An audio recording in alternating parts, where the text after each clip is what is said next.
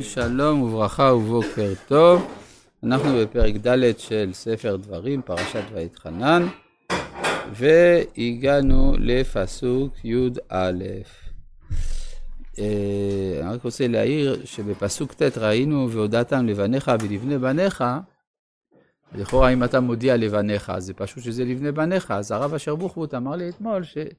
הכוונה שהצורה שבה מוסרים לבניך איננה זהה לצורה שבה אתה מוסר לבני בניך. צריך כל פעם להתאים את הפדגוגיה אל מצב הדור.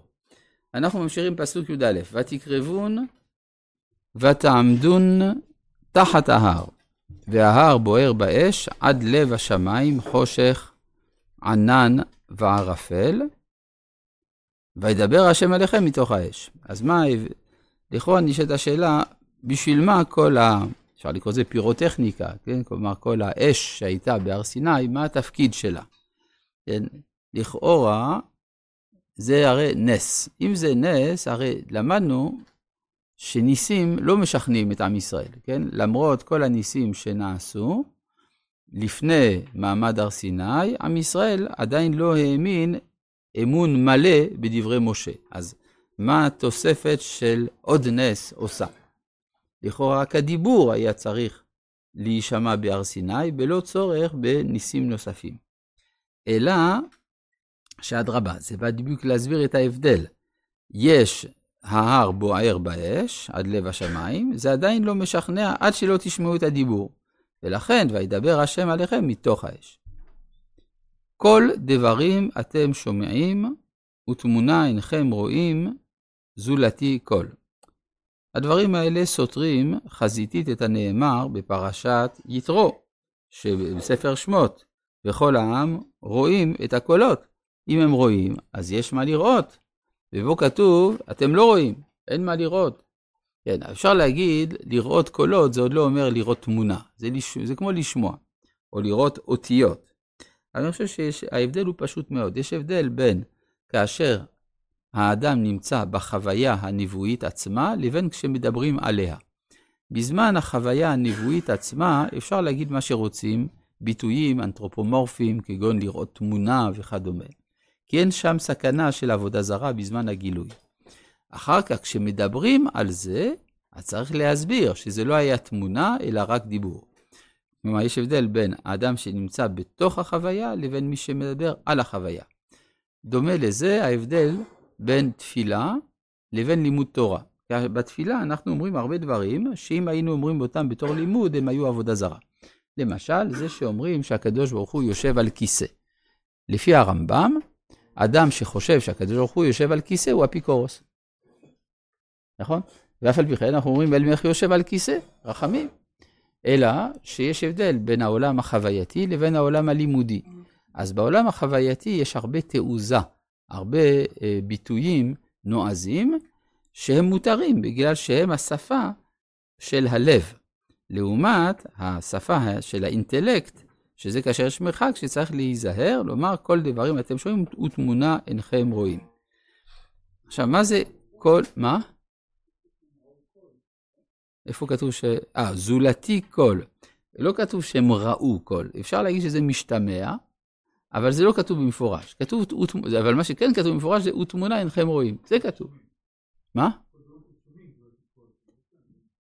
כן, אבל כתוב ותמונה אינכם רואים.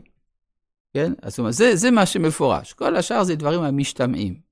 עכשיו, איפה זה כתוב? לא כתוב, נכון? כתוב בפרשת יתרו.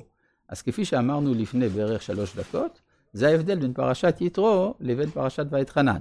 שפרשת יתרו מדברת על החוויה בזמן התרחשותה, ואילו פרשת ואתחנן מדברת על החוויה אחרי המרחק של הזמן. עכשיו צריך להבין מה זה כל דברים. כן? מה זה קול דברים? תגיד דברים אתם שומעים, או קול אתם שומעים, מה זה קול דברים? אז יש, אה, ברמב"ם במורה נבוכים, הוא אומר שיש הבדל בין ההשגה של משה לבין ההשגה של העם. שמשה שמע את הדברים בפירוטם, זה נקרא דברים, ואילו העם שמע קול. שמע קול, איזה מין קול גדול, ולא שמע את הפירוט.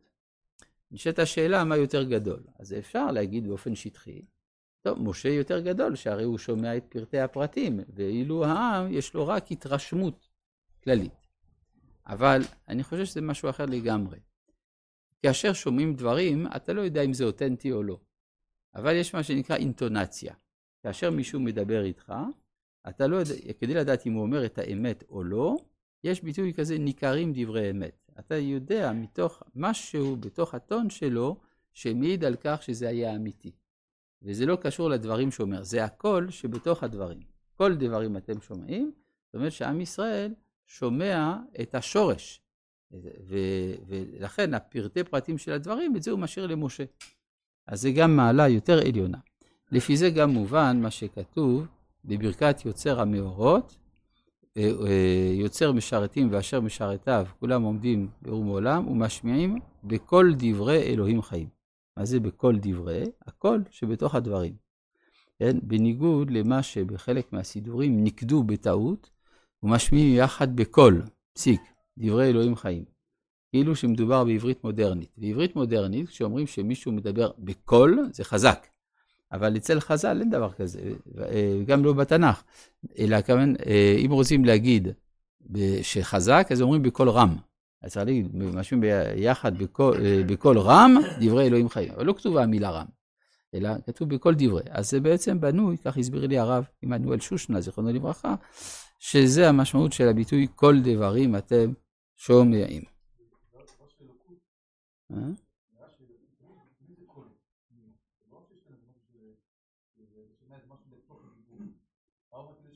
לא, אני אומר, יכול להיות שאדם שומע דברים, והוא לא שומע את הקול שבתוך הדברים. זאת אומרת, הקול זה התוכן הפנימי ש...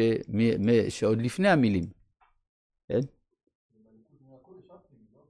לא, יש גם דברים, יש קול, דברים. הרי הרמב"ם אומר, העם שמע את הקול, ומשה שמע קול ודברים. אז זאת אומרת שיש דבר כזה, דברים. כן? כן? אה, אתה אומר, למה הוא לא מדבר על העיניים? זה מעניין, כי זה באמת בפרשת יתרו, אם שמת לב, מוזכר שמה, וכל העם רואים את הקולות. אה, זה יש הבדל. אז כנראה שיש הבדל בין הדברים בזמן ההתרחשות, שבזמן ההתרחשות אתה יכול לדבר על מראה, ואין בזה סכנה של עבודה זרה. כשאתה כבר רחוק מן החוויה, אתה מדבר על זה, אם אתה תגיד שרואים, אז זה יגיע לעבודה זרה. לכן, פה שמשה מדבר אחרי זמן רב, אחרי שזה יתרחש, אז הוא, הוא לא יזכיר את המראה. וגם אז לא היה להם את המדיה של כל המסכים. אז לא היו המדיה, של, אני לא יודע, אני לא מכיר את ההיסטוריה של התפתחות המדיות, אז אני לא יודע. כן. אמ, אז איפה אנחנו? וכן. וההר בוער, אה, אה, ויגד לכם את, מה?